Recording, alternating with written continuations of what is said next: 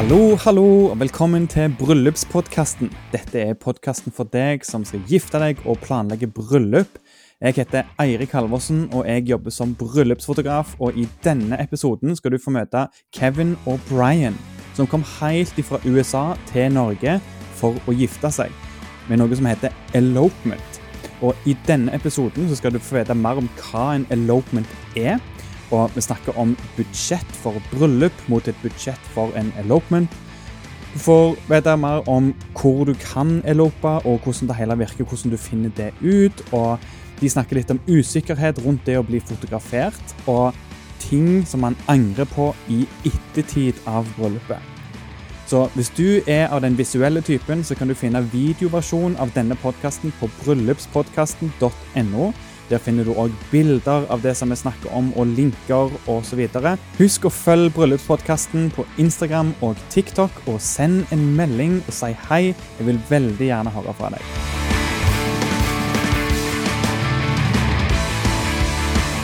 Hello, hello, and welcome to this episode, Brian and Kevin. How are you? Good. How are Good. you? How about you? I am good, thank you. And I'm super excited about today because we are going to talk about what an elopement is and also dive more into your story and see how other people can connect and relate to that. So, first and forward, first and foremost, can you just in your own words explain a little bit what is an elopement? Well, I mean, for an elopement, I for what I believe it is, um, it's pretty much the two getting together and having more of a intimate, um, not necessarily wedding. Well, it's a wedding ceremony, um, but a, exchanging of vows uh, versus the traditional wedding where you actually have a big group of people, family, friends, uh, ceremony, and then having the reception. So you're not doing any of that. It's just you two, maybe some close friends and close family, if you, if any case.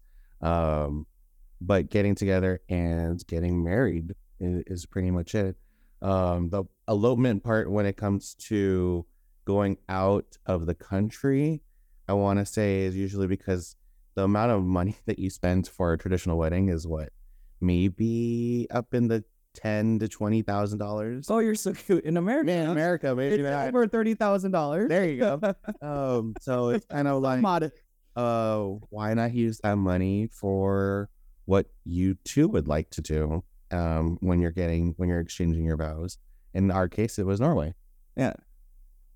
Yeah, I I agree. I mean, for elopements in general, I think that it really goes back to the beginning where it started, which is just the relationship between the two. Um, so it was really special to just have the relationship and present it in a way where it was just us all over again. Um, and to go back to the beginning and where we found our love for each other and being able to just share that with each other, um, I think is extremely important. Um, the unfortunate part is we don't have supportive families. So um, for elopements in general, it's usually because something uh, along the lines uh, doesn't necessarily make sense for a traditional wedding, where for us it would be to have our families there. Uh, so his p- dad had already passed, uh, and then his mom is definitely not supportive um, of Ignorance is bliss. of gays in general. And then my parents, um, they well, I, I haven't talked to my mom in over a year, and then my dad, the most we speak to each other is uh, through emails uh, for Amazon orders. So there's not really much that uh, we speak of to each other. So there wasn't really a point into inviting them um, because there wouldn't have been support, and we'd rather just have it for ourselves. Yeah. Um, I did actually have a best friend. She volunteered to to fly all the way to Norway um, with us as well. But I know she's trying to fa- like plan for her family too, and I didn't want to interrupt that, so I said it was okay. um, Bryan and I have used are kind of used to our relationship being our own, so that's what we kind of decided to do was fly to Norway and make it our own. Yeah.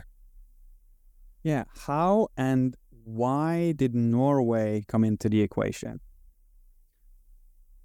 So, um, his close friend, actually, the one that was gonna fly out, uh, we were trying to figure out ideas. Of course, I'm a Disney person, so originally it was like, oh, Disney wedding, but we weren't looking at that because that's even more expensive, actually. Um, But then she had suggested an area that we actually wanted to go to, which was somewhere to see the Northern Lights. And we were kind of crossed between two places, Norway and Iceland. Um, one of the other things is which one actually we had a third option, which was Alaska. Um, but we were looking at which one is more LGBT friendly. and sadly, Alaska is not. Um, so it went down to Iceland and Norway. Um, as we kept researching and looking at the different things, we ultimately liked Norway better. Iceland is still on our list, don't get me wrong, but Norway was just up north where where we took the photos. It's just very beautiful. It's still feels unreal that we were there. Yeah. Bryan did the research on like the scenery and stuff. Um, I definitely delved into more of the photography stuff. Uh, so I definitely looked into photos that were taken by photographers in Iceland and Norway, and just googling uh, Northern Lights photography.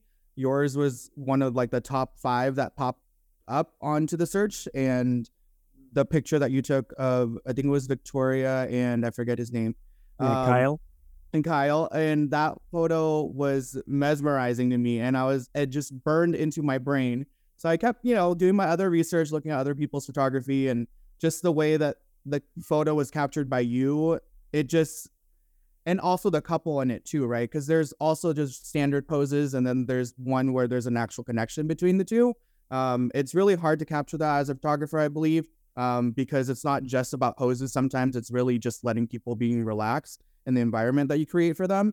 And so I, it just burned into my head. So I just kept looking at a b- billion other different places and I stressed about it and I kept talking to him about it. And I was like, you know what? No, I'm done stressing about this. I know what I want and who I want, and I'm going to reach out to this person. So um, of course, me meaning telling him to reach out. I was to reach out to you. um, but I was like, tell him a little bit about our story, convince him like we need to be uh, the one that he needs to photograph. So uh, that's kind of how I went. And yeah, we didn't convince you. It was all true. Whatever, what I wrote out and everything. Well, yeah, but also I feel like again, when it comes to photography, there needs to be a connection between the photographer and the people who are being photographed. Um, and then you need to find somebody who's going to make you feel comfortable um, I mean, obviously, I'm already not comfortable in my own skin, being different, uh, being gay. So I, I don't know. It, it's it's hard finding somebody that you can connect on a level that's normal. Yeah. and I really appreciated the way you kind of conveyed to us um, when we were over in Norway about the, I think you said crooked, um, right? Uh, and how it's just another set of normal people, and that immediately made me all of my anxiety that I normally have walking out on a daily basis disappear. Yeah. And that was a great way to set the tone for the entire day because that was literally right in the beginning of our photo shoot that morning, uh, where I was already, you know, uncomfortable wearing a suit because I don't wear suits often and, and all that stuff. And then it was really nice that you had said that. And it wasn't even like some, I, I don't think that it was something that I said that triggered it, but it was just the fact that you brought it up naturally made me completely at ease for the rest of the day. So it was really awesome.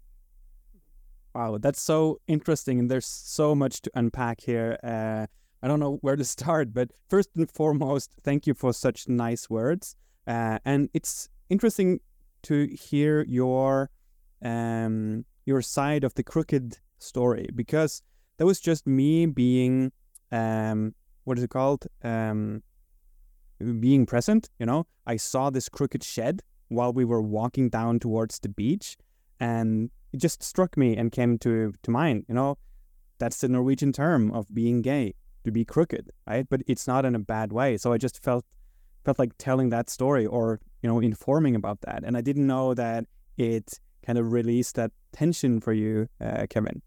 Mm-hmm. I thought it was poetic. um, yeah. Like, oh, this is really nice. I, I thought it made sense at least, and it, it made for a really cool photo. And um, so one thing that amazes me and also saddens me is that you said you were looking for a photographer that is LGBT friendly, and you didn't find that when you were researching in Alaska, was it? Um, not necessarily on photographers, but Alaska is one of the states where um, I think it I don't know if it's even legal over there. Yeah. to get married. to get married there, it's it's not. I don't Yeah. remember. So, and the unfortunate part is, whenever we travel, we have to, and uh, uh, a lot of people don't understand is that we actually have to look up whether or not we're allowed to be us. Yeah. Meaning, we're allowed to be be together. Are we allowed to order a room with one bed? Are we allowed Yeah. to hold hands in public, kiss in public? Like, what are we al- allowed to do? Which is ridiculous, but also that's really what we have to do. And so every time we travel, I looked into Alaskan laws, I looked into Iceland laws and Norwegian laws. And Norway, actually, I think when I did my research, was one of the first um, European states that actually, or states, uh, countries that um, allows uh, LGBT and supports them. Um, and so that immediately relieved that, that, that tension again, right? Um, and then, like you said, when about the whole photographer thing, a lot of photographers either don't display uh, LGBT photography Mhm. if they support it, or they don't even like put. I mean, there's a lot of ways that you can show your support, and I think that there's just not enough of that in, um, I guess, websites, and so it's a little bit hard for us to connect with somebody who might be comfortable with us, because you don't know other people's backgrounds. Um, the, you, they talk about their biography as in like you know them as a photographer, but you really don't know their background, their religious backgrounds, what they're okay with, not okay with. Um, and really, the only way to judge that is through photography. Um, but I think the connection that I had with your photography and your blogs and the way you spoke um, spoke about people at their core, Mhm. and it wasn't about the shallowness of just weddings. Um, and that made me feel a lot more at ease reaching out to you uh, because I mean, at the end of the day, everybody's human, um, and making that about them um, and their story is really important. Um, so yeah, Wow, I'm so glad you're saying that because I I don't uh, specify that I photograph this and that type of people or from this and that type of country or skin color or uh, sexual orientation. I don't specify anything like that. Like you said, I'm just interested in the humans. I don't I don't actually care about the wedding. And it's weird to say that as a wedding photographer, but it's the people and the connection between the people that is valuable. And when I focus on photographing that, it's more fun and more interesting for me. And I think for the client's perspective, the photos feel more real. They, they feel more like them instead of, you know, here's a wedding photo from your wedding day in your wedding attire, right? Yeah, most Yeah. definitely. And I think the the line that really got me from your website too was uh, at the beginning of the day, "Hey, it's just Eirik." um, because in reality, when people are going through a hard time or they're anxiety, like you're having an anxiety attack or whatever, you, you grab onto them and you say, "Hey, it's just me," right? You, it's just you and them in that moment, and that's the magic that you're going to create together. That's the story that you're going to tell together. And I think that was so important to me because when I have my anxious anx- anxious times, Yeah. I need somebody to just say that, right? And it was so nice to read that point because I was like, all right, I already know like you will take care of whatever anxiety I have for the day, um, whether or not you, I even need to say it, right? So I think there was just like at the beginning when we did our photo shoot, um, I, I don't know if I was like nervous or what I was, I was just uncomfortable with the, I think everything, right? The Yeah. PDA, because I don't do public displays of affection at all. Mm-mm. I don't like the the the camera in front of your face was like a whole nother experience, right? and then me standing in muck because I hate it and squishy things. I don't like standing any of that stuff. But the fact that you caught onto it and you already like nipped it at its bud, like you brought it out and you said, "Let's just clear the energy," and it just made me. It I don't know how to say it, but it like basically calmed me because you had already said, you know, this is what we're gonna do. This is how we're gonna do it. And just relax. Just be yourself and be in the moment, right? Be in your moment was, I think, the line that you used like a bajillion times during our photo shoot, and it was it re- really helped me channel back into where I needed to be. Um, so I really appreciated that. Yeah, be in each other's presence. Yeah, That's the one. that's Yeah. the one. Just feel each other. Direction. I was okay with anything. Yeah, I mean, that's different for every couple I photograph. And instead of me being very meticulous about posing, I want them to be in each other's presence in their own way. And I think everyone can kind of, you know, have their own take on that. And that looks beautiful, right? Yeah. There was one moment, I'm sorry, it just reminded me because of the poses. Um, I think it was one of our hikes after you did the photo shoot. We were like, let's do the pose, the pose. And it looked horrible. Oh my goodness. we It were was, like, it was at the same bridge we did the Northern Lights the next like, morning. Okay, never mind. Oh my gosh, it was the we most could not awkward photo capture the ever. exact same thing that you did. So we were like, okay, we're done with this pose. Uh, it's not the same It's without the Eirik. Okay, so um, tell me more about. I, I want this to be uh, very informal or informational. I mean, for the people who listen.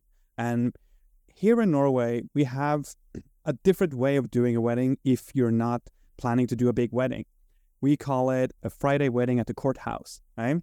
You just go there with your spouse. Maybe you have your best man and your maid of honor, or maybe your parents. You sign the paper and you go to a restaurant and you you know you have that expensive meal that you never do on a you know, like a regular basis right and you call that a wedding and many people don't think that it's worth photographing because hey we're just going to the courthouse. It's not a big wedding so we don't need a photographer. Maybe we'll have some photos after you know smiling for the thank you cards and and that's it. So an elopement is a little bit different than that. It's like the whole package is a little bit um, more based on adventure, at least from my experience. The, um, most elopements that I've been photographing, they, it's from people from other countries wanting to go to Norway or other countries to experience something and do something just for them and have it photographed. So, leading up to my question, which is you already uh, touched a little bit on the struggles on researching on how and where to elope. What are some top tips that you can give to the listeners about uh, how to even start planning your elopement, like how to choose a country or location and how to uh, work around that. Can you please elaborate a little bit on that? Winter. Oh, sure, I can. Um, I want to say it, to start off is where would you two like to be in a very intimate, close area where you could um, either if you're doing exchanging of vows during that time or um, actually having someone do a small ceremony. I think just knowing the area that you would ultimately remember. So, like for us, yes, we both had our we did the courthouse uh, ceremony because we have to get everything on paper, of course, and um, for it to be legal. Uh, but we will ultimately remember our vows being on that small little beach in Norway in Senja. Um, and we will always remember that because that was an area that we would wanted to be there, um, especially the Northern Lights, of course. Uh, but I want to say to start off is where would you two really, really, really want to go in a intimate moment? And it really has to do with environment too, right? Like, I'm not necessarily comfortable with sand. um, but like, do you want a beach theme or do you want a forest theme or whatever you want? Norway has all. um, so that was kind of awesome. Um, but I think really just choosing what kind of environment you want to be and the one that you'll be most comfortable in as well um, really helps uh, kind of guide your way Mhm. um, into that. Uh, we did extensive research. Well, he did extensive YouTube research. Um, so he would YouTube a bunch of videos throughout Norway just to see kind of what area um, might be interesting because obviously Norway has vast different amounts of like terrain and like you know like the beach that we were at to the mountains that we climbed. So um, I think that gives you a nice visual in terms of your research that you're able to do. Um, for me, I think it was more of um, just what kind of okay. So for me, I we had a three piece suit, right, versus like a two piece suit. So I get hot very easily. So I wanted to know um, what kind of weather environment I was going to be in. Ooh. Um, and that I think makes a difference too, because if you're not comfortable in your own skin, um, meaning the clothes that you wear, or just being not not comfortable in your own skin, um, it's really difficult to capture that moment um, with each other. Uh, so yeah, I think that was part of my research as well. Yeah. And But I do want to touch back on the you could still do photography at a courthouse ceremony um because we had a photographer. I mean, granted, we did go to a beach area nearby, but um, some of our great photos were actually in the courthouse, uh, just because the courthouse was a little bit more on the rustic side, and there was a lot of areas that we could actually do our photos and keep. I want to say we have some of them over here, but yeah. But in reality, if you're doing an elopement, it's that intimacy that you'll you don't want to forget those moments, right? Like I don't I don't I'm gonna be honest, I didn't remember the vows that Bryan read to me. I had to have him send it to me, but I have a video that uh is evidence that he sent it to me. So now I can use them against him. Um, but but yeah, it was it that I because I was completely in that moment, right? Like I was the environment that I was surrounded by, like just the entire day. I was on this like high of being together with him, and this was our moment to like have our union, and that's what I was focused on was that energy and riding off of that energy. So as much as I was focused, on, I I was listening to his vows, and in that moment afterwards, I completely forgot about them. Maybe it's just my short term memory. I don't know, but it was so nice that like it was captured by you and Jessica, right? Like I didn't realize, and I was so hesitant about this whole vow video because I was like, I don't like hearing my voice. I don't want to see my face. Um, with with photos, you can you work angles, but with a camera, like you're just recording all recording everything. it's nonstop, it's continuous. So I was really hesitant about it. But then he was like, no, let's do our vows. And I was like, okay, I'll do it. And I don't regret it at all. I wish that I even was less hesitant about it in the beginning, right? Because in reality, it means everything to me now. I've watched that video so many times. It's it's stupid. It's probably my top watched video on YouTube now because it was just it meant so much to me. And the fact that you put our photography, it was crazy because I was expecting a 10 page spread, you know, 10 photos or something as my preview for my photos, but it turned into this video and it was beyond me. I Yeah. jaw dropped, didn't know what to say. I was like, give me a couple days to process this before you can even respond to an email to Irad because this was beyond what I was expecting. And I actually didn't let anybody else see that video. I was so selfish with that video um, because it meant so much to me that I was like, I don't want anybody to see any of this stuff um, until I'm done processing it. um, but yeah, it was a moment that you, uh, hands down, you can't compare to anything else, right? And the fact that it was on camera was something that I'll treasure forever. And that's something that I can never, I mean, thank you for, right? Because that meant so much to me. And to not have, I don't know, I was telling him when we got our album, to not have family to share all this stuff with, um, it really hurts. But in reality, the fact that we get to share this together and this video that we get to watch with our love and our bond together, it means that's enough for me. So yeah, that warms my heart, guys. um, you said something interesting that I think a lot of people who plan their wedding feels, and you said you were hesitant to write your vows. You were hesitant to ABC and you know things you have never done before.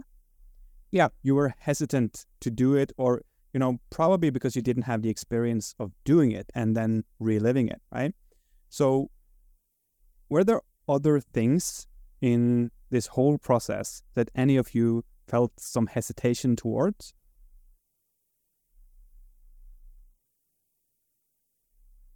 all of it. in reality, In reality, yeah. right? Because we're not Such a trained big step. to do any of this stuff. We don't learn this in school. You don't learn you don't learn a lot of things in school, right? You don't learn to be a parent. You don't learn any of these steps in life. I don't feel like you would have technically you would have parents who would teach you the steps or whatever and unfortunately we don't have supporting ones. So it was just even more blinding for us to go into this in, entire process. Um, and it's not really necessarily normal for people to go and, you know, have a photo shoot outside or have you really be um, vulnerable completely in public, reading your vows to each other. Like it's, it's just weird putting words onto paper. It's just all different and all new.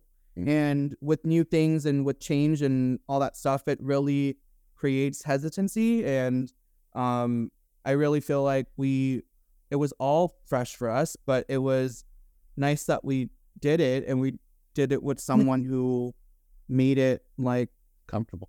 yeah, It it was all a foreign environment for us. So anything that we were doing was just you would get that hesitancy. I mean, from the vows, it was man, actually I he already knows, but I had written my vows first. Um, just because I didn't know if he was gonna surprise me in the end when we did our courthouse wedding, if he was gonna do his vows there too. So I was already nervous with that and like just trying to get something down. And then um I think a lot of people nowadays, because we have technology, are will either Google how do you start your vows. Oh my gosh, yeah, we had to do that too. I didn't even know where to start. I, I was like, I know our story, but I'm like, do I talk about that? Because we know our We know our story, so we don't have to tell. I mean, we're not telling a, a big group like you would do in a in a reception. Right. And we went to our fair share of weddings where like I think some one of the weddings that we went to, like, she had a novel. Oh, her booklet. Mm. yeah. And I was like, do I have to write a novel? I'm not a very good writer. But yeah, it was it was crazy. And but I think when we when we talk about hesitancy, I think it was for me really it was being photographed, right? Because I have I I built this wall up of being not being able to show public displays of affection because of you know being gay and how society uh toler mm, I wouldn't even say tolerates it. I definitely won't say it accept it. Um, but I feel like I've always had to put this wall up. So therefore, me being public about all of this stuff and you know displaying all of it, um, and walking out in public in a foreign country that I don't know, um, just I don't know, being in that environment was very scary for me to do. Um, but then it's just Eirik. Yeah. I think it really came down to that for me, right? uh, because we built this relationship before, right? With our Zoom meeting, just meeting each other um, before we even like booked each other. It was just that conversation before really made everything at ease. Um, to you really guiding us from coming into your country and letting us know what you know the roads and how that works and the weather and being so kind and sending us the book um finding your norway uh your own norway right? Or finding your No, Norway? finding you know. yeah so that i mean all from all of it. It was just so heartwarming to realize that you're not just going over to have a photography session. You're actually like gonna hang out Gonna hang out and have a connection with them um and we were talking about how even when we went to um when we had our off time right? Off off the the camera time it was really nice connecting with you and jessica right? Like it was building a relationship and that's what we yearn for is having actual connection with people. Um and that was really nice to have. Nice to hear. And to the listeners, this whole elopement lasted for, I think, three days. So we Yes. met on Senja and we had the whole evening together before the day of the shoot. And then the day of the shoot, we just started in the morning and we drove around and we found some beautiful locations that we photographed. And I remember uh, also connecting with you guys. I think it's important for me as a photographer to know more about you and what makes you tick. And also make you trust me. Like I, like you said, Kevin, I'm just a person too. I'm Yeah. Eirik. I'm not a scary photographer, right? And I believe that when you trust in me, I can get you to open up a little bit more, and you know the the intimacy and the the the personal uh, space and personal touch of everything becomes more open. And we were extremely lucky with the weather, right? Yes. I, I talked to you guys about the weather many times before even coming to Norway. And one of the things that is very difficult for me, I get those inquiries often, is that people say, Hey, we want to get married in Norway under the Northern Lights. How much does it cost? it's like, Yeah, I understand, but it, it doesn't work that way, right? So uh, I think I tried to prepare you as well as I could and downplaying the whole Northern Lights thing um, because you don't know if it will ever show up. And we were extremely lucky that on the actual day, in the evening, we went out just to, hey, let's check because the app says it should be a display right now. And the sky just exploded while we were there. Yeah, I think that the expectation of it, if I had expectations of having the Northern Lights, I think that probably would have thrown off my game for the entire day for the photo shoot.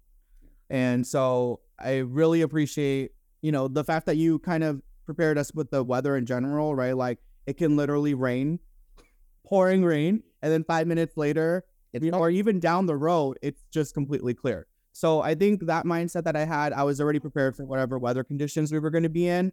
Um, but in terms of the Northern Lights part, I that would have just been the cherry on top. But I, my mindset wasn't focused just on that, right? Even though that was kind of why we initially thought of what we wanted, right? Was our like our photo shoot to be underneath there. Like it's not all just that. It's that entire the we're just talking about adventure that day, right? Really trusting into, like you said, you and the photographer in general. Like, oh my gosh, I I don't know where. I mean, I guess Jessica would know, but your gut feeling when it comes to locations and lighting and whatever it may be is absolutely beyond me because I couldn't imagine just driving and you're like, okay, just walk through the meadows over there. and then we get this that one where we didn't even complete and get all the way to the spot that you wanted us to get to. That one of the one of the favorite most favorite photos is that area where we had the mountain in the back and there was that tree over there too. Because and then we did because we couldn't get remember which one I'm talking about? Oh, now we had to go down. yeah, we had to go down and we were just like busting through leaves and Yes. stuff. Um, but we never got to it because it was too mushy. Um, but it was just the fact that like we we immersed ourselves into it, right? And really trusting into you that it's gonna be a great shot. I'm like, how is this gonna be a great shot? I'm covered. Well, my shoes I felt like was covered in mud, and then I'm looking through and I'm like, how how is this gonna happen? Because I, I am miserable walking through this. But the photo, I can't. I just Yeah. can't. And then later on in the evening when we were chasing um, sunset, and we you just turned into literally a hole in the wall, and it turned out to be this like multicolored metal patches, and it was just amazing. like, I where did would this come from? I would have rather done what we did than to probably drive to the end, you know, and get that regular, typical sunset sunset shot, right? Like what we did had so much more meaning to it because it was an adventure that we did to scale that mushy hill together. I'm talking about mushy. I don't like textures. If nobody can tell. um, but just to scale that and then finding those, uh, I forgot what those shells are called, but finding those ones that was fun too. It was just a little adventure and within our adventure within the day and it was so nice just to do. And as much as you said it was just like a um a typical photo right with the rings it meant a lot to me because i was like i need to go find one that's like really big or small or not cracked or whatever it might be. Um but it was it was nice and relaxed is where i'm trying to get at. Um and you just really have to trust in the process right? Um and i think that was my new favorite line that i liked is trust in the process um, but really, if you don't you don't trust in the process, then how will you get what you want at the end? But for the Northern Lights, it was just again, like you said, it was just more. We didn't have it as an expectation. It was just more of a bonus if it happened. I mean, I know we had you stay um, a little bit extra just so that if it were to happen the next couple of days. Um, but even if it didn't happen, we weren't going to be disappointed. Yeah. Um, I don't know how many people once we came home told me I've been I've gone to go see the Yeah. Northern Lights and they didn't twice see it. or three times and I've never seen it. I don't know how you got it on your photography day, right? Like I was like I I, mm, I don't even know what to tell you because the day after, well, no, right when we were about to leave, a storm came in, right? Like it started raining. So I don't And actually, the day that we got there, because we got to Tromso first, Oh right, yeah. it was cloudy. It was actually sprinkling and raining when we It- landed. And then that night, it was very cloudy. The next day was the one where we were like, it's clearing up. yeah. It's clearing And we actually tried in Tromso we we hiked oh my Oh, yeah, we hiked that the lovely, the, the, the Sherpa stairways. Yeah, so th- the railway was closed, so we were like, no, we're gonna hike it. We're gonna hope to see the northern lights.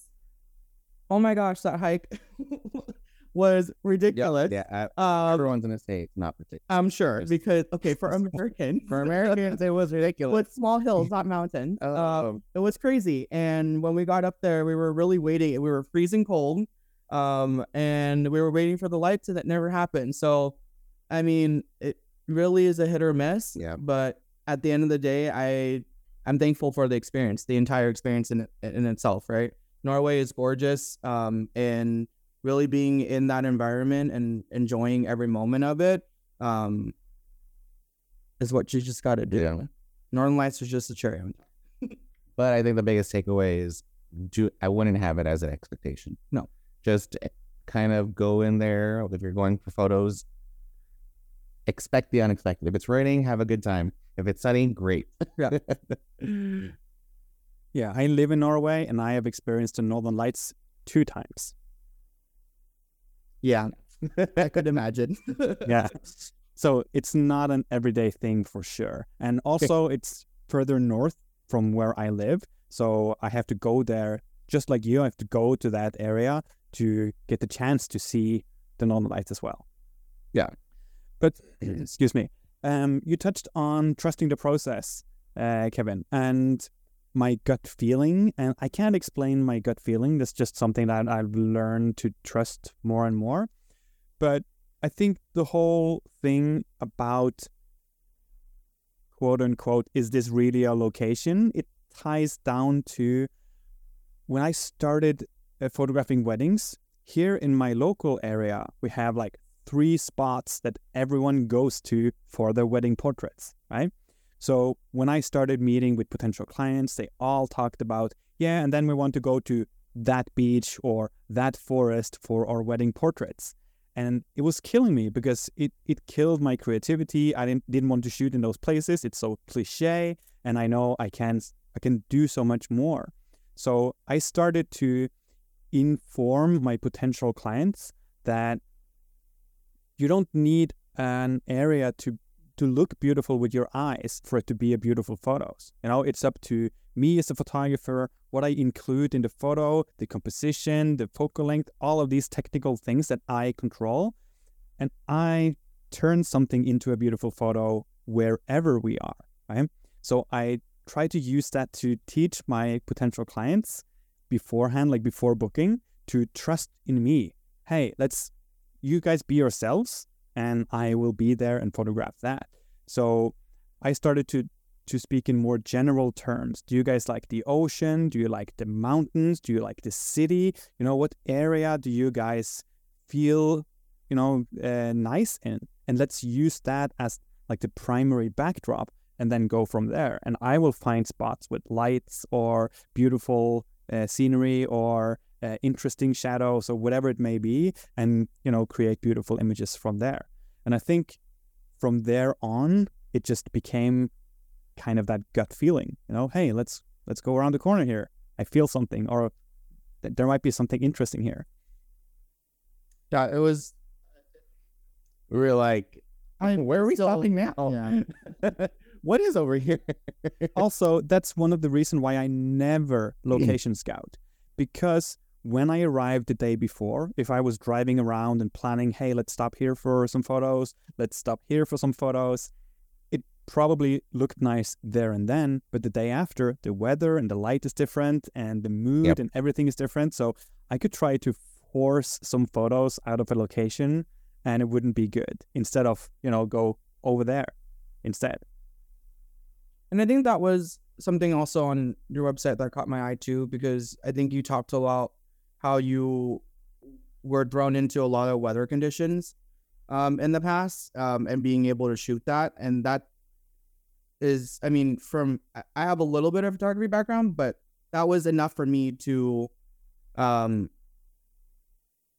be willing to accept you as a photographer because it was just I mean, in reality, I did my like I said, I, when we did our, our research and our elopement in Norway in general, right? Like you do you get a lot of warnings about how the weather changes quite instantly. Um, and if you don't have somebody who can work with that and also make you feel comfortable in that, um, and know that you'll you'll still capture a great moment, um, you know, it's not something that you necessarily want to book for unless Yeah. you can find somebody who is able to do what you you're able to do. Um, so yeah, really trust in the process, right? Because I was ready for whatever weather was happening, but I also knew that you would take care of us regardless. So Yeah. I was actually kind of expecting the the photo shoot that you did where it rained on them, where it went right. Oh yeah, the vows were completely like so Yeah. I was like, oh, we might have one of those. It's fine. It's fine. I trust in it. Nice. Um, I don't want to blow smoke up my own ass, but how important is the photographer choice in a situation where you are planning an elopement in a different country? Well, I mean, I, I really feel like the the photographer, it's really important for you to choose somebody who knows their environment well. It's not even the location in itself, right? Um, I think it's just the fact that for me, uh, when you like an example was when we were, I think we had parked in some lot, and then that's when we started walking through the bushes in order to get to that, you know, mountain scenery. Um, you afterwards, we ran, we wa- walked by a house, and there was a lady that was there, and you spoke to her in Norwegian, but um, you were just greeting her, right? Just knowing that the environment that you're in and being respectful of the environment that you're in, but still also immersing yourself in that environment, um, was it meant a lot to me because it's at the end of the day, you you kind of even told us, right? Like we're in these people's backyards and and all that stuff, and you didn't mean it in a way where it's like, oh, like I don't know, like in a bad way, right? Like where we are, but it's just being respectful of the environment that you're in. Uh, I think finding somebody who does respect that environment um, makes everything a lot easier um, because you're able to go to whatever lengths you need to go, but also be mindful of where you are. Um, really creates a difference when it comes to finding a photographer in whatever country you're in because i feel like like you said when you go to these spots where they're just like the typical photo shoots or this typical scenery um, a lot of people and a lot of tourists don't respect that environment um, and it honestly turns into trash yeah. after a while um, i think we went to paris after we met up with you and i was so shocked by what paris is now t- than from 10 years ago when i went there right like some of these historical spots have turned into trash because of the tourism that's gone there because there's and it the sad part is the tourists go there and they trash it but then you add the photographers who go with them who do these photo shoots and having them climb whatever they're climbing or whatever it might be and it just it messes that whole entire area up and to find somebody who doesn't do that um, it's quite difficult because at the end of the day it's all about transactional business, right? And it's money for these photographers. Um, but to find somebody, when we had our first Zoom meeting, I knew that the connection that we had, I knew who you, I could vibe who you were as a person. Um, and that person was extremely respectful of us as humans, but also extremely respectful of them in their own country. Um, and I feel like that is really important to me, um, finding a photographer because respect is everything and it goes so it it goes such a long way um and it and it goes to integrity too right doing things when no one else is looking um we weren't staring at well we were we were staring at you when you were having the conversation with that lady at the house but you know in reality it meant a lot to me um when you did have that connection right? Because it was just you being respectful and it was just you being you um and finding photographers like that is is hard right? Because you were talking about like the scary photographer. There are scary photographers out there right? They want you to do a certain pose or they're used to a certain way of photography. They're not as fluid with things. They have a structure. You are so fluid with everything, right? Like whatever we don't want, you're able to change. Accommodate. Yeah, accommodate. And it's it's hard to find someone who's that fluid because people aren't always comfortable, right? People aren't used to certain things or they want a certain thing, but you know, they don't know what they don't know. And for you to explain things um to us when it comes to certain, you know, like ways to pose or ways to be in each other's presence or whatever it may be, it just made the whole entire experience more relaxing. But how do you navigate? I mean, everyone and their mom is a photographer nowadays, right? There are websites and Instagram accounts everywhere, and with seemingly good photos, right? How do you navigate? How do you find and sift through all the quote unquote bad ones? Like, how, how do you find the right photographer? And I'm not talking about me now, like in, in general, like for you, what, how did you find the right photographer? What, were- what were you looking for? I, I really had to read through bios. I had to read through bios. I really appreciated that you had a blog. Um, it wasn't just like, here is my artwork and this is the location that it was at, right? It was really a story that you created. Um, and at the end of the day, you're recreating our story through your lens. Mhm. Um, and to read one person's bio is one thing, right? They can put their resume on the, their how many years of experience they may have or what whatever it may be. Um, but it's another thing to try to connect with people through the way that you write and through the way that you capture people's story through your lens. Um, and that's the first thing was if I saw any type of generic wedding photos, they were immediately out because I didn't care for the generic stuff. If I if I wanted it, I mean, I could have put a selfie stick on or whatever it may be, right? Like I what's could do that. what, what's a generic wedding photo to you, Kevin? Um, I mean, gosh, walking down the aisle, the shoes photo next to each other, the dress hanging up, like whatever it may be, right? Like, um, I don't know, like the the first moment. I mean, I get that it is im- important, um, but like first moment with for me, like parents don't mean anything. So first moment with parents or first moment, first look, right? Like, I think that anything beyond because we're not normal people in, in, in what society is determining, right? So anything that is normal for me is immediately out of the window for me.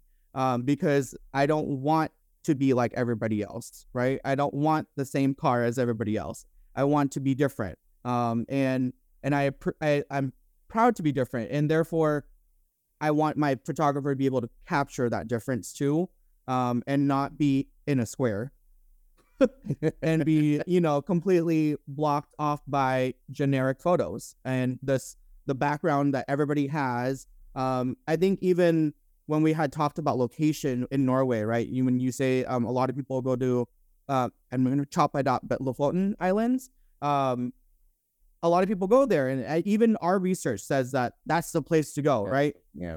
I didn't want to be that person in that same area. As much as the photos are gorgeous, I didn't want the same thing as everybody else because when you show it to somebody or when you look at it yourself, you're like, oh, great. So I was just a tourist. So then I just had a tourist wedding, which doesn't even make sense to me. You spent all this time, flew all this way to then have a generic Generic. wedding. um, and to make it your own, the only way you can make it your own is to immerse yourself. Yeah. And trust in the process. Yeah, that um the tourist photos that you speak of, uh, that's how I feel about wedding photos on Iceland. And it's actually gone so far that it's like uh, many years ago actually it started started to be a problem. So there are like five spots on Iceland that everyone goes to. It's a black beach. It's with the uh, pillars thing and the plane, and Yep. there's like one or two waterfalls. Right? Waterfall. Yep. Yeah, We know which one you're talking about. yeah, and you've probably seen all of those photos. Yes. And there are so many people who see those photos and they think, ooh, we would like that. So they find a photographer who, who would like to do that. And I kid you not, photographers do that for free. Right? So I've got I've gotten so many inquiries from couples who want to fly me to Iceland to do their elopement photo shoot or pre-wedding photo shoot or whatever it is, but they don't want to pay, right? And they just go to the next photographer where they find someone who does it for free. That they do it for a plane ticket, right?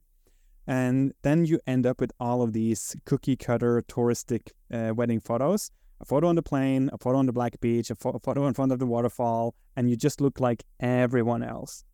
Yeah. And I think, like you said, uh, Lofoten in Norway is becoming the same thing, and also a place called Geiranger, which is also very touristic. You have like one spot that everyone goes to.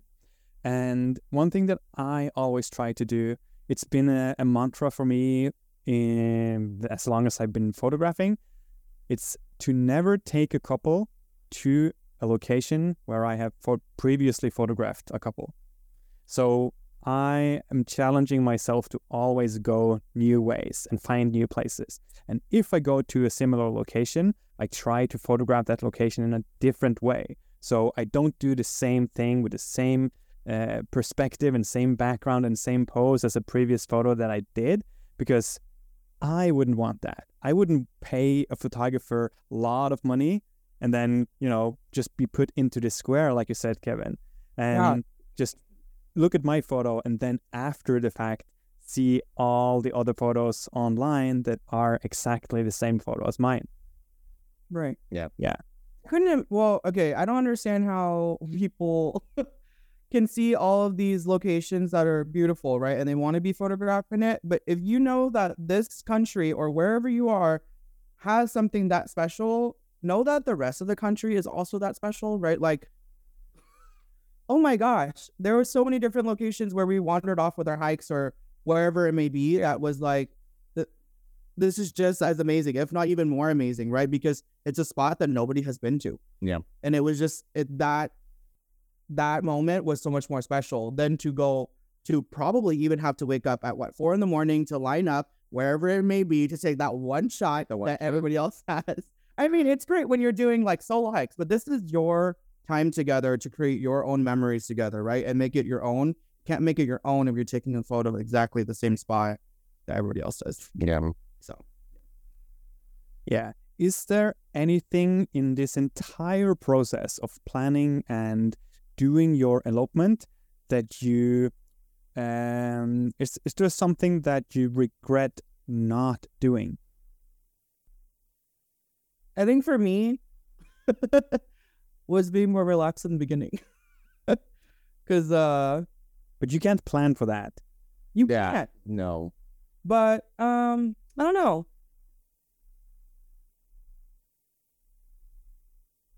I don't think so. No. So let's flip the question. Is there anything that you regret doing, like after the fact that you, something that you after the fact understood or thought about, well, that was unnecessary? Nope. I don't. I really don't think so. I mean, that day went very smoothly, Yeah, I couldn't and uh, we, ask for a better day. yeah, we were just trusting wherever you took us, and we didn't have any. I don't think we had any regrets on the places that you took us. Yeah. I think in reality it's trusting more into you. I feel like I regret not doing more. um and I think it, it went all the way back to the house, right? Before we even started getting dressed, you're like, let me just take some photos of you in the in the bedroom. And I'm like, oh no, let me clean this bedroom right now. Oh yeah, because that's all OCD. I can't have these photos. That was one of my favorite photos. It was that photo that you caught of us in our bedroom. um, was I was in the bed. yeah, I that I love that photo. It means a lot to me, and um, I think it was just me being me, right? like, um, but I really, yeah, I really think that trusting you as a photographer and trusting you as a person was just something that I should have just started from way before, right? Like, I didn't, I think that the nervousness is one thing, but it was also you as a person, right? Like really trusting somebody else to take these moments of you. Yeah, I think that's a value, valuable piece of self critique for me because that means that I didn't prepare you well enough before that moment. So, therefore, I didn't get that access and uh, having you being comfortable with me being in there. And it sounds kind of dirty when you say me photographing you in your bedroom, and it's not not like that at all. Not like that. Not like that. So both of you were dressed, and I was there, and or you weren't like fully dressed, but I was not there for any like uh, dirty uh, photos. No, it Wrapping all all- of our suits and stuff. Yeah, it, it was all about telling your story about the morning when you woke up in this house on Senja and starting the day off. Um, so it, it's uh, it's good to hear that I have room to improve. You know, I have um, areas where I can be even more like um, accommodating or informational upfront because I think having access as a photographer that's the best way to capture the most real photos. So if you ever feel that I am there for the sake of a photo shoot, you know, it will feel like a photo shoot and you you will feel that you have to perform. You will feel that oh uh, am I um am I sitting with that with my good side toward the camera, you know, all of these things, you know, uh um you know, shoulders back and whatever. Uh so I think I'm just thinking aloud while we're talking right now. One thing I could have done, I could have started photographing the day before in the evening, right? I could start getting rid of those feelings right away. So in the morning off, then you would be already comfortable with me being there with the camera. that's actually So I'm not gonna lie. I feel like you did tell us though that you were gonna take a take photos in the beginning because it was gonna start off the day. But it's just, um, I think it's it just still feels unnatural when someone comes in like Oh yeah, I mean, I remember, I, if I remember correctly, like I remember you did tell us.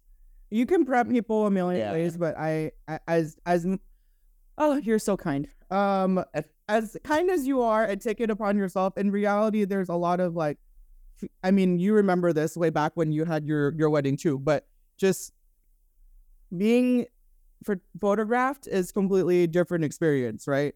Um, and a lot of it does fall on other people as well. Just kind of how you were talking about like having a good side or sucking it in or in this person's case pulling his pants up too high um whatever whatever it may be uh it's just you just got to let all that stuff go when it comes to it's about you right? And it doesn't matter how you look because your loved one will love you no matter what. And your photographer i mean saying it in the nicest way you, they don't care either right? Like where uh, whatever environment you are however your hair is in the moment it's just enjoy your moment together and like you said really just be in each other's presence um, is really what's important. And i think if i just focus all of my energy in just being in Bryan's presence i would have forgotten all of that stuff. But it was so much self-consciousness on myself right? Like I'm, I'm sure there's other people who have a certain good side. I know i used to like be crazy about a certain side as well but i mean just really focusing your energy into each other is really what matters. Um and again really just trusting into your photographer that no matter what happens it's going to be a great shot um so you don't need to work your angles or whatever it is yourself um let your photographer do it um because he knows the best not you unfortunately so uh, I, I appreciate that you uh, want to take that on yourself, but don't. I'm not gonna let you take that one. Yeah. that was thing. trying to remember there was um you had said something what was it? Because for me being a bigger person i do get a little bit self-conscious. I think there was one moment where you were um taking photos and i i am self-conscious with taking off my shirt in front of other people. Um so waking up hair messed and then of course my little lovely double chin um was always making me a little bit nervous. But then you had mentioned about when you take photos if what was it um if you don't not if you don't like what you look like in the mirror because that's what the Do you remember what he said on that one? Oh, do you No, mean the because- mi- mirrored version of yourself? Yes. Yeah. So I, I can explain because that's a, a, a really good point. When you when anyone look at themselves in the mirror, you're actually looking at a mirrored version of yourself. You are the only person in the world who experience your looks that way. Everyone else will see you in the real way, you know, the not mirrored version of you. So when I take a photo of you, when you look at that photo, you're looking at the not mirrored version of yourself. And that's why sometimes you can feel a little awkward or you, you can feel that you look a little different in photos, right? Because you're used to looking at yourself the other way around. So, for instance, if you have uh, the split in your hair from one side, you used to having that split on, uh, like, or when you look in the mirror, you look at that split from the side that you see, right? But it, it's actually the other way around because everyone else see that split on your hair in the normal way. Yep. That's why I was like, you know what? I'm accepting how I look. And I know this is not how I normally look, but this is gotta gotta accept it. Yeah. Nice. I'm glad you did, uh, Bryan, and that the fact that you guys just trusted the process. Let's use that term. I like it.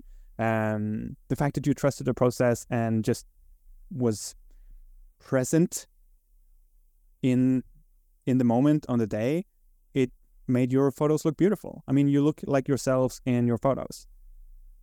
it's still unreal. Whenever we look at we have the album and we actually have this one like album that's playing right now and we're just looking at the photos and I'm like reliving it. So, um, are you guys comfortable talking about your investment in your elopement? Because Yeah. obviously there's a lot of costs around, you know, flying to a different country. You have flights, the accommodation, there's food, rental car, the photographer, and there's so many expenses, right? Um, what were your like? Did you did you plan a budget beforehand, or were you planning to just like, hey, it costs whatever it costs, let's just do this? Like, what was your approach beforehand when uh, thinking about and talking about money for this whole project? I think initially we had said twenty, didn't we? Well, I mean, I think our budget. So, are we talking about photography budget, or are we talking about like our? I'm entire, talking. So I'm talking in general because I- I don't want this podcast to be overly about me as a photographer. I want it to Yeah. be a little bit more general. So of course you can be open about what you paid for certain things around your elopement, but for someone planning to elope, right? Your perspective earlier on, you said people are spending X, Y, Z on a wedding day. So why don't we spend at least half that budget on, you know, our elopement, and you can have this amazing experience in a different country. So with that as the premise, like how were you planning how much money you were going to spend on this? So, um, I think for ours, it was based off of the entire trip. Um, our elopement wasn't nor wasn't only um our vows in Norway. We also made it into a kind of like a honeymoon, pretty much, because we wanted a European somewhat trip where we before Norway we were in Germany, and then after Norway we were in France. So I think that kind of lies in with what your budget would be on if you're going to turn this elopement into also a trip that you can spend together with. Um, not spend financially, but, you know, spend literally together with. Um, and I think that's why we had set, I want to say initially it was, I think, fifteen. 15,000. Um, and this is including tickets um, for you and then everything else hotels, train tickets, all the airplane tickets. Um, not necessarily accounting for food and souvenirs, but um, I want to say we started off with 15. Did it go above it? Yes, it did. Yeah. Uh, but the hard part with that is um, just because we went to different countries and we wanted to get, we, I mean me, wanted to get a lot of souvenirs. um, But I think it was also like there are certain things that we wanted to. That we could have chosen a cheaper route, but we wanted to elevate our experience because it was an experience for just us, right? And it was for us to enjoy. We've had our very large fair share of traveling with other people. Um, but once you have more people, you have more opinions, you have, you know, people wanting to do certain things that you don't necessarily want to do. Mhm. Um, so it was nice to just choose something that we wanted to do and experience together. Um, so there were certain things that we might have chosen that might have been a little bit more expensive. Um, so that might have increased the the price tag a little bit, um, or a lot bit. But in reality, we started with the fifteen thousand dollar budget. Um, so I think ten grand of that was towards um, you know, flights and uh stays and certain one certain activities that we wanted to do. Um, and then the other five grand was towards our photography. Um, was the what where the budget was kind of around. Um, and then of course you so graciously offered um to be on call for the Northern Lights um Mhm. for three nights. So then that's when we worked around our we revamped our budget a little bit, right? Because in reality, we already kind of knew what we were going into, that it might not be an opportunity, but like why not increase our opportunity to see the Northern Lights, right? Um, and the only way you can do that is add more time and time is money. Um, and which is perfectly fine, right? So um that was a a nice thing to do. We could have all carpooled together, right? You um you and Jessica and Ryan and I we could have all carpooled together, met up on the same you know, got on the same Mhm. flight, met up and drove to Senja ourselves, but we wanted to do our own exploration. Um and so we decided to get two different cars. So that was you know, an expansion of our budget as well. Um so there are many ways that you can decrease the amount that you're using versus increase it, right? Um, but it's really to user preference. Yeah. Um, for us, at the end of the day, it was for just us. Um, so we were very much comfortable spending that money because it's going, you know, the food that we ate was going into our bellies, Yep. and uh, so and the adventures that we had were we were having it together, and it's stuff that we will never forget. Um, and it was a trip of a lifetime. And in reality, uh, this trip signified our love too. So and it we as much as we had a budget, we didn't. You know, um, I was very comfortable with spending more or spending less. Um, but more was more of the option. Yeah. Um, but yeah, in in reality, I was okay with all of the things and the the everything that we looked at for prices and stuff were all reasonable. Um, just you know, like the extra car, right? I was like, okay, it's like a I think it was like a few hundred bucks extra, but it gave so much independence for both couples, right? Yeah. Like to be able to do whatever they wanted to do, um, and go wherever they wanted to go, and that freedom and flexibility of coming and going whenever you want. We had a shared Airbnb, but in reality, we had our time together, and then we also had our separate time together with our hikes and stuff. So it was really nice to have the freedom to do whatever you needed to do, you know. So it wasn't so like tense and like getting cabin fever or whatever it may be. Yeah, Uh, and, and and we both, yeah, Jessica and I also uh, appreciate that a lot. I think it was a great way to spread out the chances of experiencing the Northern Lights. We just happened to experience it on day one. Yeah. Yeah. yeah. But speaking of the food, how about that sashimi? So um, we have every time someone asks how is Norway, how is the food, we always like the salmon. The salmon, just the salmon. This is really good. And sadly, we have um Costco here, and we've bought Norwegian salmon, and it's not the same. oh my gosh, it's not not the same. same at all. Uh, there are a couple of times where we're like, we miss the food. That that.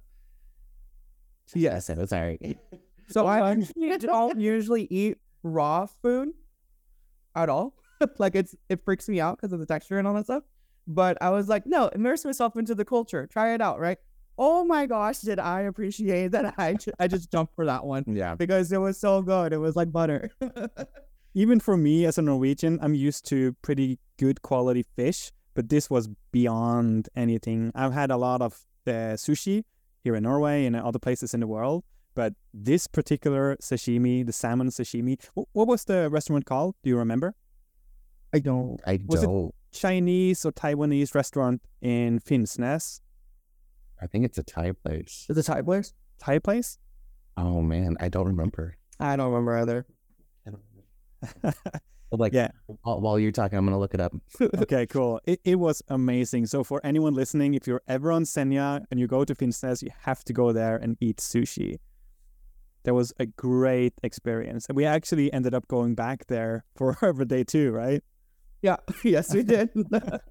we tried all of the other foods too, which was also great. But that sashimi was, uh, wow. I just It was called Tiger Sushi.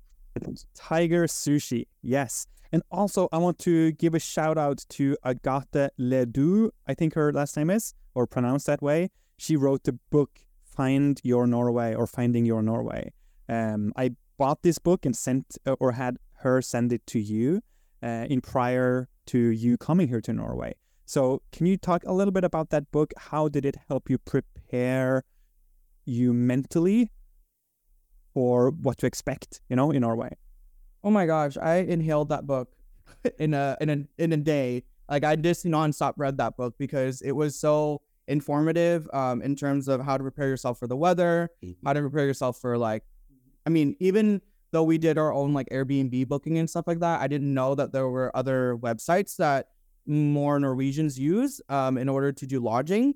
Um, also, like the apps um, for uh, just weather apps or you know uh, Northern Lights apps to uh, like traffic maps and hiking maps and all of that stuff. Um, I didn't know that there were specific ones, of course, because we're used to American stuff.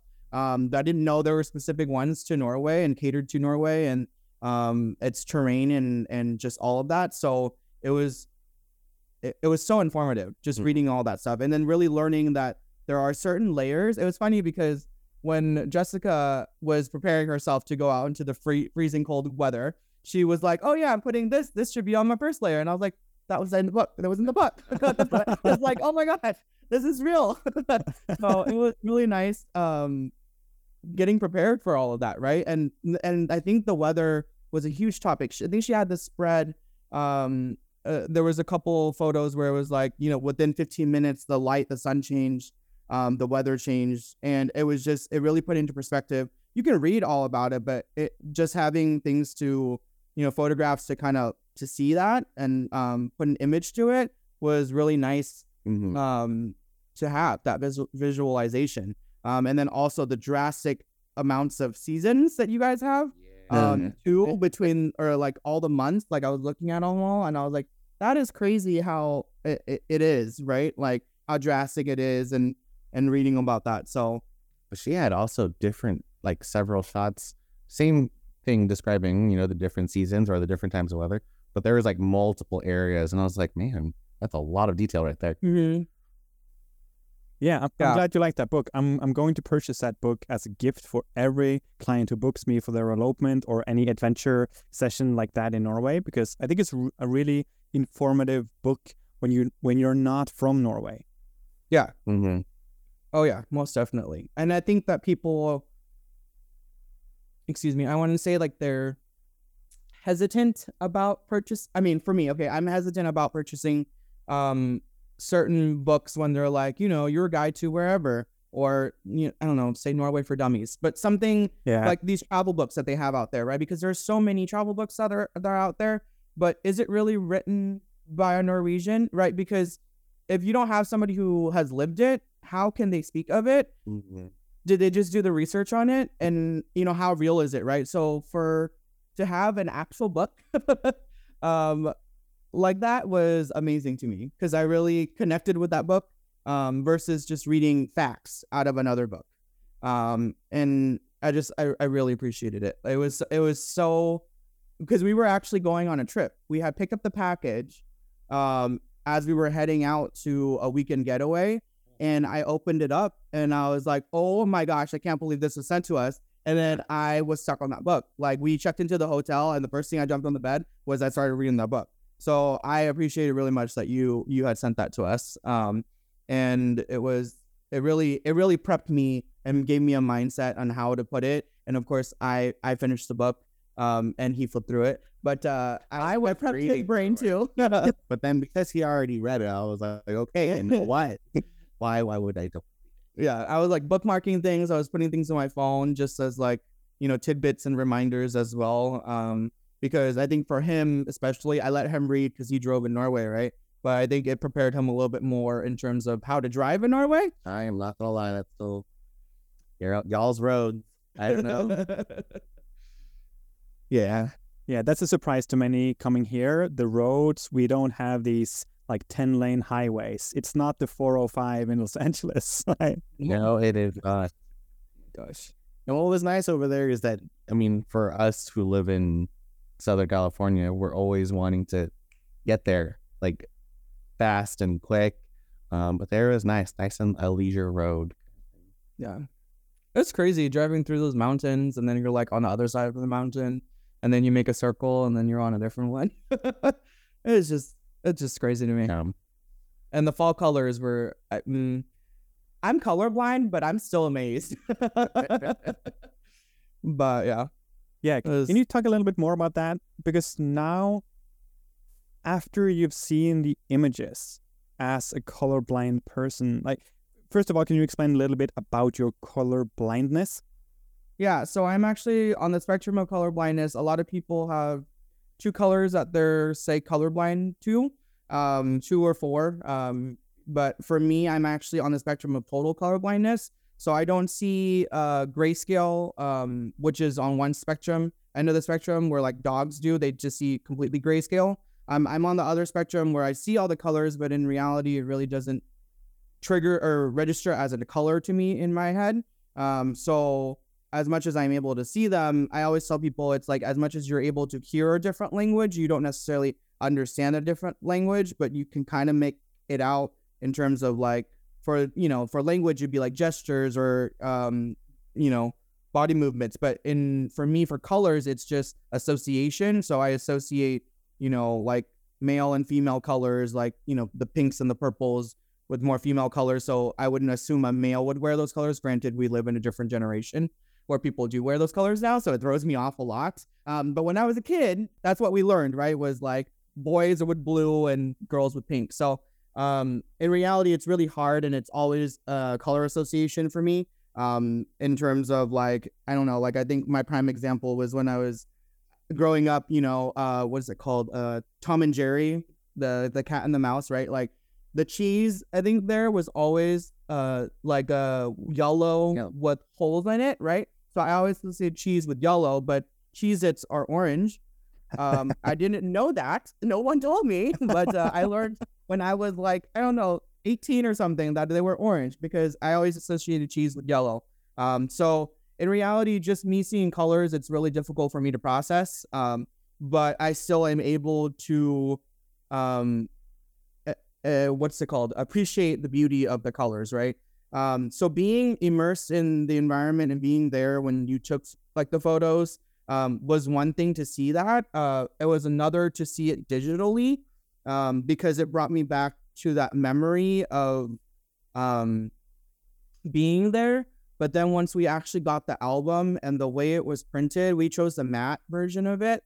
Um it was like pop art to me and it was like i could reach out and feel it all over again right um and it was a completely different experience getting that album versus that digital version. And you had already kind of warned us about that already um ahead of time that like what you see on digital and like social media it, it is completely different than what you will get as a print. And i was like oh yeah okay.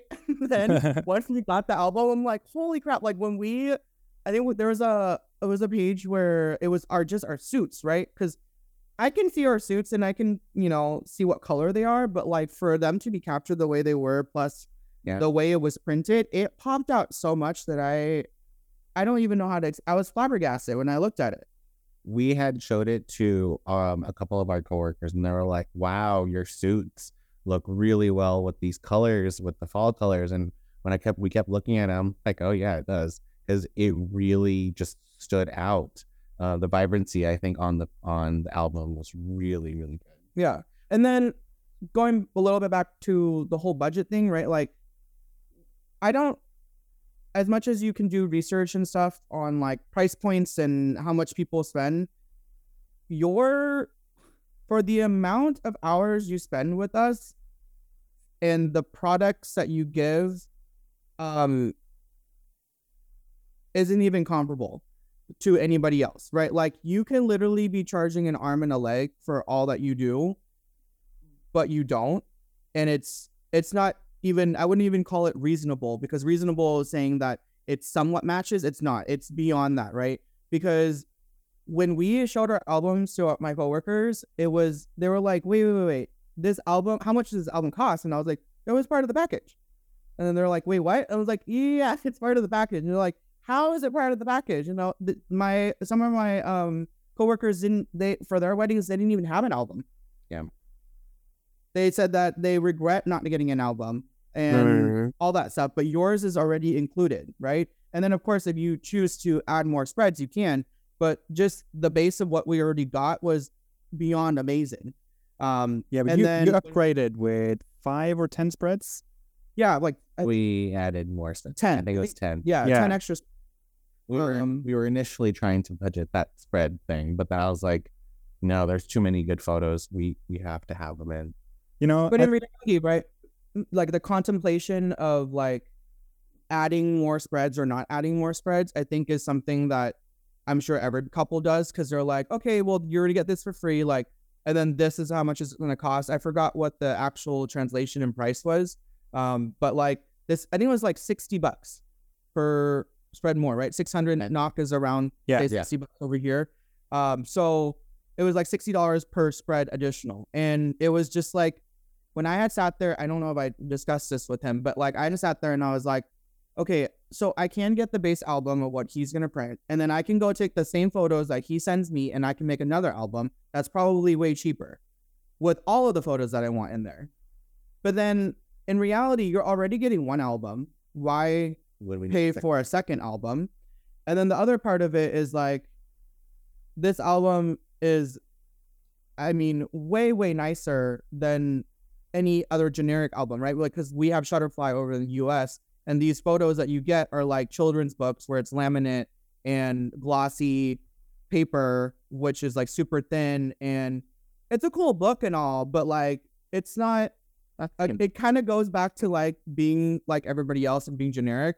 Um, this album is so special because of the way it's made, right? You have the linen. Well, we chose the linen option with the wooden box. Um, and then it came with gloves, which was beyond me. I didn't realize that an album needed gloves, but I can see why because of the quality that it has and to maintain that quality too. Um, you don't have to use them, but it was amazing. And then we had that paper that was the inserts. yeah, the acid free papers. Um, so you know that really just made it so much more special, right? Because it just shows how delicate everything is, um, and how amazing it was, and how to keep it in that way. Um, but yeah, I couldn't, I can't, I, I just, I can't. that album is amazing. the the but when- print. it still Oh yeah, just pops. yeah, it just pops beyond. Yeah, me. the, the print quality in the album is museum grade quality. So that's why you have the the paper inserts and the gloves, so you don't smudge the the um, like the prints. And the print that you as consumers can get at Walgreens or Shutterfly or whatever, uh, where you go ordering those like holiday books or whatever, uh, that's digital print and it's entirely different. Uh, it doesn't last that long, and the colors are a little off compared to this like the quality in your uh, your album. One thing though, uh, one thing that hurts a lot as a storytelling photographer is when my clients choose to just cut down, cut down, cut down on their album because that's that's what will last. That's your lasting impression of your wedding day or your elopement or uh, like your story that you paid me to photograph, right? Yeah. So um, I forgot my question completely uh, because you you upgraded to have a larger piece of your story in your album. Is that something? Was that hard spent money, or did you? Uh, now that you received the album, what's your thoughts on spending money and upgrading? Sorry. Um, say I added more. I think the hard part is um, it would have to be when you're trying to budget it. And then when you say sixty dollars per page, and then let's say you add ten pages, that's six hundred dollars right there. Uh, um, can an everyday person make six hundred dollars easily? Maybe. I mean, for us, we're lucky that we're both nurses, and in the United States, we do make a decent amount. So for us, it would have been probably like an extra shift. So it wasn't gonna be too hard for us to do it. Um, I know for other people it can be difficult, um, but in the end, I want to say it's worth it because it is going to be something that's going to be with you forever. I mean, yes, we can have those photos that we wish were in that book on our phone, but it's totally different. Just you know, just swiping through it and all that stuff. It's the same thing when you're reading an ebook versus an actual book in your hands. Um, so I want to say there are some photos that we we wish we could add more in there, um, but I like it the, the way it is right now. Yeah, I, I mean, I love it. I just uh, if I had a regret, that would be my regret, is not adding more to it, right? Um, and I really appreciated that we were able to personalize all of it um, to what we wanted, right? From the cover to the text that was in the front of it to just rearranging the way we wanted our photos um, and the way we wanted our spreads. And, you know, I think we talked about a little bit the negative space um, that's in the the spreads. Um, a lot of people just want fully blown photos. Um, but I and I actually uh, as much as I do appreciate the fully blown photos, I appreciate the ones with the negative space a little bit more. It really does. It, it really Uh, balances it. yeah, because it yeah, it just having fully blown photos all the time isn't you know, It's generic. yeah, it's generic. There you go. Yeah. So my my thought process when planning or when designing an album is each spread tells one story, right? So by now you've had the album for a week, two weeks. A week? A week. I mean, technically, we got it Wednesday. Oh yeah, okay, yeah. We just But- didn't get it. we're on a whole. Yeah. Uh, So- yes. By now, do both of you have you had a chance to uh, have decided a favorite spread? I have one in my Can you find your album and just show to the camera? Yeah. I'm curious to know if he's going to choose the one that mine is. And if you notice, I, I evenly spaced those acid free things. Stop. I found out that the it's not a square. This is a rectangle, technically. It is. This one's my favorite. Oh my gosh, I'm not wearing gloves. He wanted me to wear the gloves all the time. Yeah. Oh, you So like this that is- one? Yep. Absolutely love it. I just love how our uh the colors pop out We're going to have and the moments that were captured in the acid free stuff in there. I got to protect it. This is the Mona Lisa. You know, this whole podcast episode is a commercial for my album company. Yes. Because I'm a, a full full photo one, I want to say it was this one. yeah, I love that. Look at you guys. Favorite. Even though, yes, we were there for the Northern Lights, this one, I think, cuts it. I'm trying to remember. In what- comparison to my phone one, right? Because it's also my phone background. Yeah. Completely different. trying to remember actually when this happened. I think we were in the muck on this one. I remember this one yeah, this was over by the beach. because we were the thorns. We got to watch out. Mm, yeah, I remember. But yeah, Nice. Yeah, you have the custom stamp as well. Let me see. oh yeah, that one turned out really well. It It was a really, really. wasn't gonna- Yes. Yeah. I was afraid that it happy was gonna show because um I think we were talking about the the color and how that it might have blend into the linen, but it turned out really, really well. I didn't know that they were gonna carve into the linen or burn it in and then do the foiling. Yeah, So that was that's awesome. looks good. And but Fine. So, what's your best advice for a couple looking to elope uh, to a different country? Like, where do you start? advice would be well to discuss with each other where you would like to go, um, what area environment, like you were saying, uh, is more favorable, and then ultimately it would be, do you want that close, intimate can't say wedding that you know that the exchanging of vows or you know the elopement um, or did you want to actually do a wedding that is usually meant for family and friends um, and spend a lot of money for that versus you know you can just spend the money for yourself not saying it's a selfish thing but i mean you It's about you at the end of the day, right? Yeah. I mean, when you have a full blown wedding, you're you're putting on a show for everyone else, and you're, I mean, you're not eating. You don't have time to. You have to go say your hellos and yeah your thank yous and all that stuff. And it's it really isn't about you that day, and it's gonna cost you a pretty penny. But why not use that pretty penny on yourself because Mhm. you freaking deserve it. um, and you've been through the journey that you had together. I'm sure it wasn't a you know an easy one, right? So, um, to spend that on yourself and to treat yourself is is something that everybody should do. Um, but in reality, I think just going into whatever place you choose um, for your elopement, it really should come down to having that open mind um, type of mentality Mhm. um, really goes a long way because if you're focused only on one thing, um, you might miss out on all the other magic um, of it. So, yeah, I really think that that was it. Because, and when you do the research, I really feel like you should do it together too yeah um, because you bounce off each other's ideas um, on what you may or may not want, um, and just kind of getting your full scope of who you're going to be um, photographed by too is it makes it really important.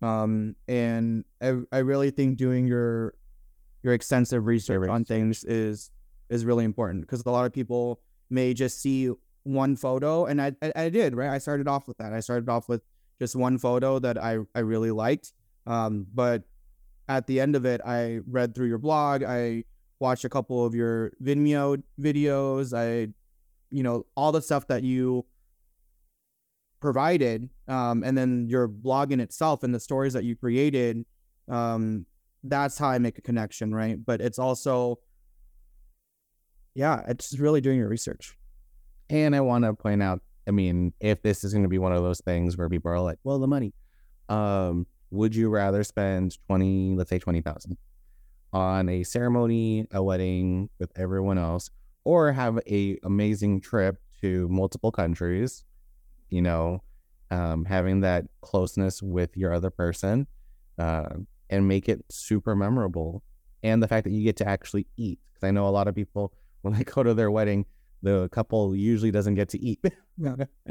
um, so I mean, I still think if if I had to choose, I would be this again. oh yeah 100% I mean, Germany, Norway, and France. Like, man, mm-hmm. Yeah. What a trip. Is there anything that you would like to add now uh, at the end that we didn't discuss or that I didn't ask you about? and Can we talk about your wife? of course, yes. oh my gosh, she's amazing. yes, isn't she? Yeah. Um, just what she I think our little session that we had with her and her human design was it was chef's kiss. I think that's Yeah. what we use, right? use it. a lot over there. Um, it was so nice because it was really helpful learning the way we are as a person. yeah are as a person the connection that we have and how we respond to things why we respond to things um i think that was uh, was really nice right um and it really kind of it was a wonderful icebreaker too i feel like Oh yeah. um just to build a relationship with people right is just knowing why they are the way they are um i very much appreciate jessica and just that she was able to not only give us a like a, a, a small rundown of our human design but also explain to us um individually hmm uh, on how that that worked out. Um, so if you guys were ever interested in that, um, she Yeah, she is is, she is wonderful. She knows she knows her shit. and then she also told us about like, well, us as individuals, but then how we would pair to how we pair together, right. what to watch out for, what to assist with, and stuff like that. That was really nice.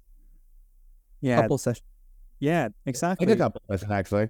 it, it is and it, it's extremely powerful stuff and it's something we are experimenting a little bit like with you guys to to give you a session like that and it's not for everyone yet i think because it's a little out there and you probably have to be a little bit interested to uh, begin to start to understand right but i have a question for you about this so now a couple of months later like three months since uh, Senja right now ish. Oh Gosh.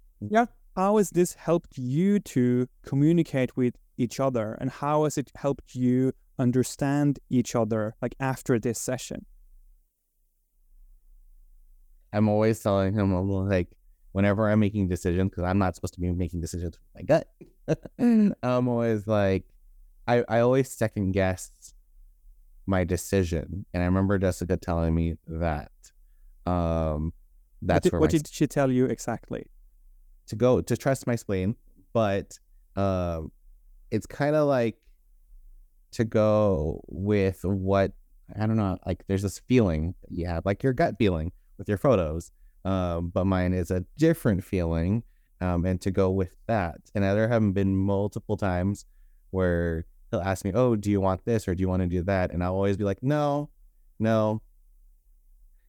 Okay, yeah, yeah, yeah, I do. But initially in my head, um, I'm I can feel something like you should go with it, and I keep denying it.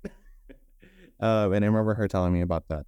Um, Yeah, and then for I think for us too, like Bryan, I mean, we kind of talked about how I usually do a lot of things, um, and how Bryan tends to just sit there like a princess. Uh, but uh, I think Jessica d- dove into that a little bit, and um, with Bryan's um, human design, it's he's a little bit more reluctant to be catered to, whereas me being a person who just runs all the time because I'm a generator, um, I just have this energy that just goes on and on and on and on. So I am used to just continuously moving. Um, but I think that now that we learn these types of human designs about each other, like I back down a little bit, um, and he'll realize that, you know, sometimes I do need to wind down. Um, and when I do need to wind down, he takes over. Um, so I think that gave us a lot of perspective in terms of how to work with each other in our relationship.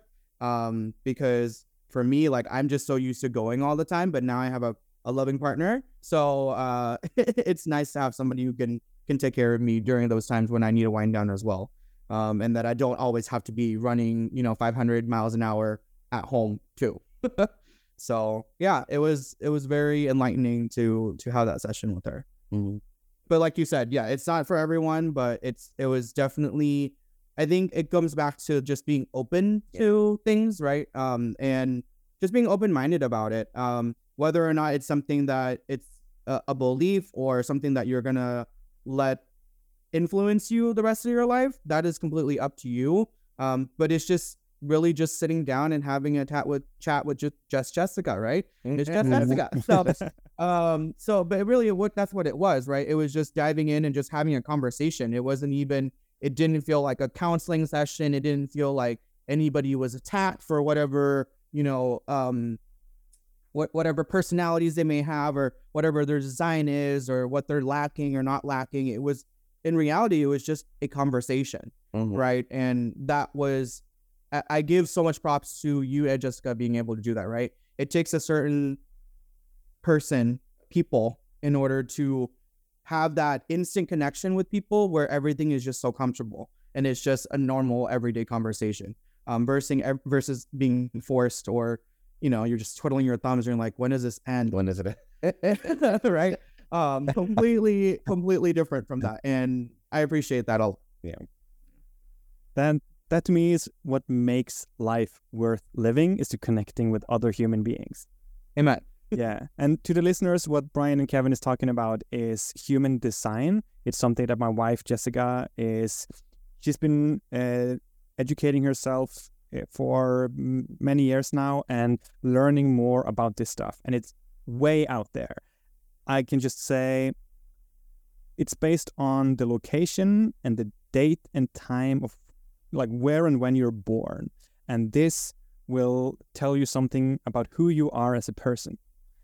And it sounds super weird, but it's so scary accurate. And Jessica and I, we have been using this in our relationship to learn to understand each other at a much deeper level. And it has actually helped us communicate because many times when, like, if she is angry and she's complaining or uh, yelling at me for some reason, you know, I have learned to understand that it it's not about me. I can take this personally and it can feel painful, but it's actually something that is about her and she it's an outlet for her to be angry, right? And now when I understand that, it's easier to uh, to not take it personally and to understand, oh, she just need to get this out and I can be here and support her in this moment, right? So that was just just one example. But if anyone is interested in learning more about this, please go and check out iamjessicarein.com, Rain with R E I N.com. Uh, you can learn more about what human design is. You can book a session with her and dive deeper into who you are as a person. And when you use it like Jessica did with you two, where you're using it as a couple, you can understand more about not only yourself, but also more about your partner. So it is definitely powerful stuff. It's definitely a little bit out there. But if you're like me, I'm I'm very like um how can I put this? Uh, I'm very logic, right? So I don't pay too much attention to all the wishy-washy stuff. I just try to listen to what makes sense. So it's it's definitely something that is on the rise. I think at least here in Norway, it's becoming more and more uh, commonly known. I think, but it's still a little uh, underground, so to speak. It is. It is. Yeah. But I mean, in today's society too, like you know, astrology or horoscopes or whatever it may be, I think it's out there. It's out there, but people are pretty reluctant. Yeah, to it. Um, but yeah, it's it's very it's in that same scope, right? I feel like, um, mm-hmm. and it's something to not harmful. To, yeah, just keep keep it opens your eyes a little bit. Yeah. Always wanted to say the link will be in the bio. nice. Yeah, I think that's a great way to, to end this about generally being open, right? Open hearted, trust the process, you know, yep. be yourself, you know, and, and, and focus on that and, and life will be better. Mm-hmm. No, definitely will. Thank you guys so much for being guests on this podcast episode. I can't thank you enough. And thank you for sharing your elopement story and going deep into all the details uh, with me and the listeners. Uh, thank you, thank you, thank you so much. No, thank, thank you, you, for having us. And then thank you for being our photographer. I mean, again, this thing is going to be with us forever. And it's just amazing. I, I just can't. Yeah. I, yeah. No words. No. No words. Thank It was just Thank amazing. words. just amazing. I can't. And thank you for trusting in me to be your photographer. So, all right, guys, thank you and goodbye. Likte du det du nettopp hørte, eller lærte du kanskje noe nytt? Da hadde jeg satt veldig stor pris på om du har lyst til å fortelle om denne podkasten til noen du kjenner. Eller gå på Instagram og plukk en reel som du liker, og del i storyen din. Og oppfordre vennene dine og følgerne dine til å følge Bryllupspodkasten. Hvis du har noen spørsmål eller noe på hjertet, så send en melding til Bryllupspodkasten på Instagram, så skal jeg svare deg så godt jeg kan.